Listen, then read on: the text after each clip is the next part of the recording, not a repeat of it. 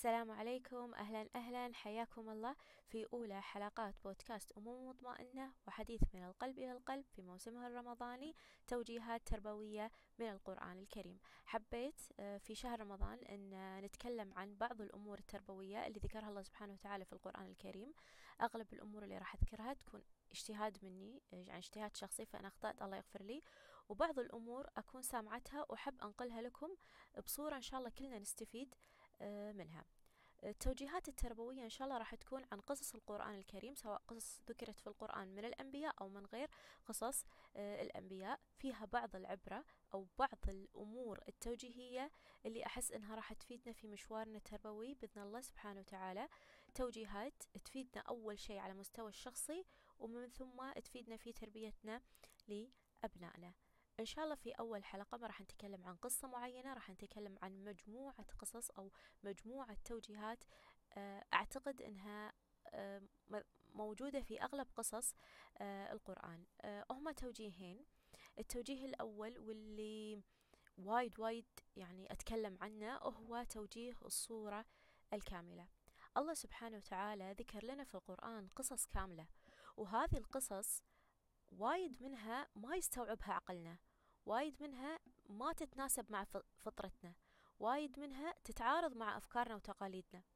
الله سبحانه وتعالى لما ذكرها ذكرها بصورة كاملة. فإحنا لما شفنا الصورة كاملة ما استنكرناها ولا استبعدناها ولا قلنا ليش صار كذي.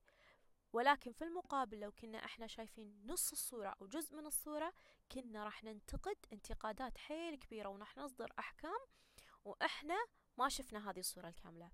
خلنا نتخيل مع بعض لو إحنا كنا في صحراء طالعين البر آه، في رحلة عائلية وشفنا آه، وكان بالليل وشفنا امرأة مع طفل صغير قاعد يبكي وما يثمر البكي.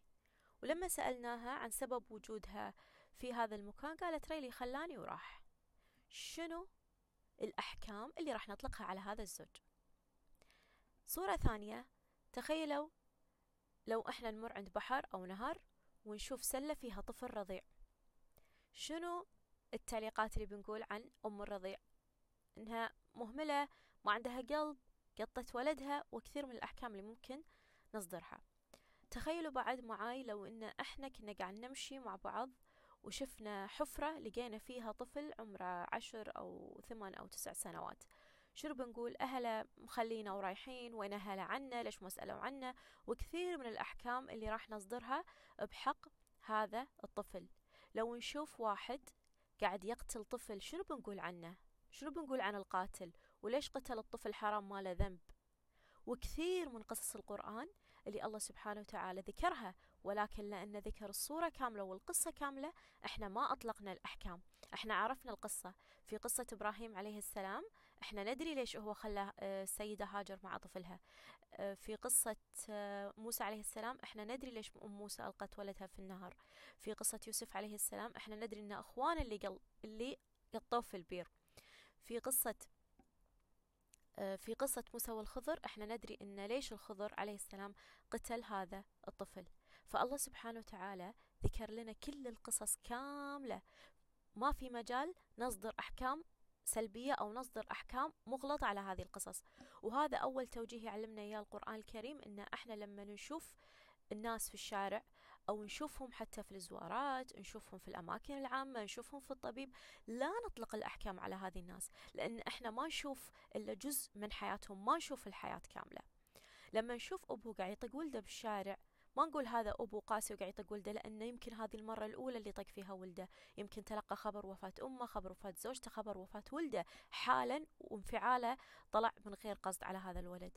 لما نشوف أم مع عاملة في الطبيب أو في أي مكان والعاملة شايلة بيبي رضيع ما نقول ليش الأم ما شالته ما عندها قلب؟ لأن ممكن الأم تكون توها طالعة من عملية وما. وزن الطفل ما تقدر آه، كبير عليها فما تقدر تحمله.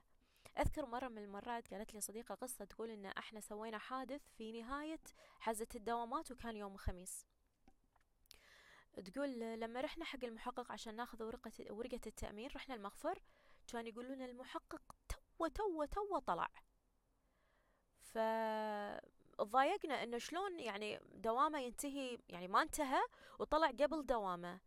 يعني هو الحين وما في محقق غيره كان بالمخفر فتقول تخيلي انه عطل مصلح مصالحنا وتقول إحنا يعني حرنا إن الحين إحنا راح نقعد ننطر ليوم آه، الأحد عشان نطلع له ورقه تقول لما جينا يوم الأحد نطلع له ورقة كان شو يقولنا المحقق؟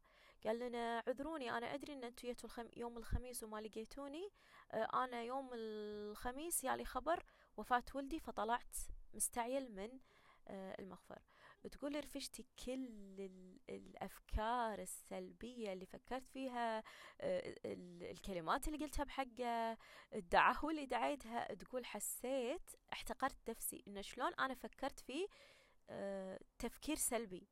تقول يعني صد صد صد مرات إحنا ما نعرف ظروف الناس وإحنا ما نح... يعني مو الله سبحانه وتعالى ما خلقنا عشان نحكم على هذول الناس. فدعوا الخلق للخالق. لما أنا أشوف موقف سلبي موقف سلبي يصدر من إنسان لما أشوف موقف من سواء صديقتي من بنت خالتي من بنت عمي في أي مكان أنا مو ملزومة أصدر أحكام. الله سبحانه وتعالى ما حطني قاضي ولا حطني ولا حطني آه، شرطي عشان أصدر وأطلق هذه الأحكام على آه، الناس. فأول توجيه وجهنا عليه القرآن الكريم في بشكل عام في كل القصص إن إحنا ما نطلق الأحكام السلبية والرسول عليه الصلاة والسلام علمنا التمس لاخيك سبعين عذرا. فأنا لما أشوف شخص قاعد يسوي شيء غلط أحط سبعين عذر عشان أبتعد عن الظن السيء. ولو بقعد أعدد الأخطاء راح يمكن حتى ما راح أوصل سبعين لأن وايد سبعين. الرسول صلى الله عليه وسلم حط رقم خيالي عشان يبين لنا أن حسن الظن مقدم. لا نفكر تفكير سلبي في الناس لا نظن فيهم ظن سوء. دائما حسن النية يكون هو الأساس في حياتنا. أنا مو ملزومة أصدر أحكام. أنا إذا شفت موقف ما عجبني خلاص أقول يمكن يمكن يمكن يمكن. وكثير من المواقف اللي تمر علينا في اليوم والليلة اللي نقعد نفكر فيها ليش هذا سوى كذي؟ أبوي ما عنده قلب سوى كذي. أبوي هذا إيش فيها سوى كذي؟ سواء في ال social media سواء في حياتنا يعني في واقعنا العام. فلا نصدر أحكام على الناس إلا لما نعرف الصورة كاملة أو لما نعرف ظروفهم كلها. وهذا باعتقادي هو أول توجيه مهم نتعلمه من القرآن الكريم. في توجيه ثاني بعد من القصص اللي الله سبحانه وتعالى يذكرها لنا الله سبحانه وتعالى لما ذكر لنا القصص دائما في صعوبة القدر في لطف أه تخيلوا معاي قصة أم موسى بشكل سريع أن لما قطت ولدها وهي ما تدري وين راح يروح وفجأة راح في قصر قصر آه، عند الشخص اللي راح اللي هي أصلا قطته عشان ما يقتله. أه تخيلوا معاي في قصة يوسف عليه السلام انه هو ما كان وده يخلي يوسف يروح مع إخوانه عشان ما يأكل الذيب ويو إخوانه طبعا هو ما كل الذيب ولكن هم يو وقالوا له إنه كل الذيب.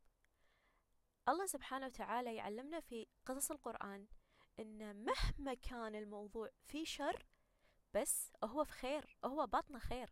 لما الله سبحانه وتعالى يحطنا في موقف وايد صعب في قدر جدا يعني مؤلم يكسرنا ويعورنا وهو شر إحنا نشوف الشر وقاعد يضايقنا. لكن نتأكد إن هذا القدر خير لنا وكثير من ال ال ال الأحداث في السيرة النبوية أو كثير من الأمور اللي ذكرت في القرآن الكريم قصص ولكن كلها في نهايتها هي خير. الله سبحانه وتعالى بيعلمنا فيها أن ظروف الإنسان وأقدار الإنسان كلها بيد الله سبحانه وتعالى. إن إحنا سلمنا هذا القدر لله الله سبحانه وتعالى بيورينا الخير. أو حتى لو ما شفنا هذا الخير ولكن يقينا إحنا لازم نؤمن إن هذا خير لنا.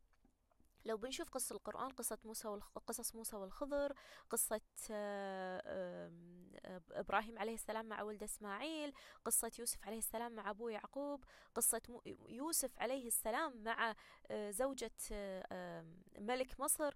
لو بنشوف كل هذه الأمور كلها كلها في ظاهرها شر كلها أصحابها تعرضوا لمواقف صعبة. ولكن في النهاية هذه المواقف الصعبة صنعت منهم الإنسان اللي قادر يكمل طريقه وهذا الخير اللي الله سبحانه وتعالى. آه هذا الخير اللي الله سبحانه وتعالى آه كاتبة لهم. لما يوسف عليه السلام يدخل السجن والملك عقب يسمع عنه إنه يفسر احلام ويشوف تفسيره للحلم ويصير عقبها عزيز مصر نقول إن دخول السجن وهو أكبر خيره كان ليوسف عليه السلام. لما نشوف أن موسى عليه السلام تربى في قصر فرعون تربية ملكية هيئته انه يكون نبي ويواجه فرعون نقول هذا تربيته في قصر في في في قصر العدو وصوله إلى قصر عدوه وهو أكبر خير الله سبحانه وتعالى اكتبه حق موسى عليه السلام. لما الخضر عليه السلام يقتل طفل ما له ذنب وكلنا لو نشوف الصورة كاملة بنقول شلون قتل هذا الطفل؟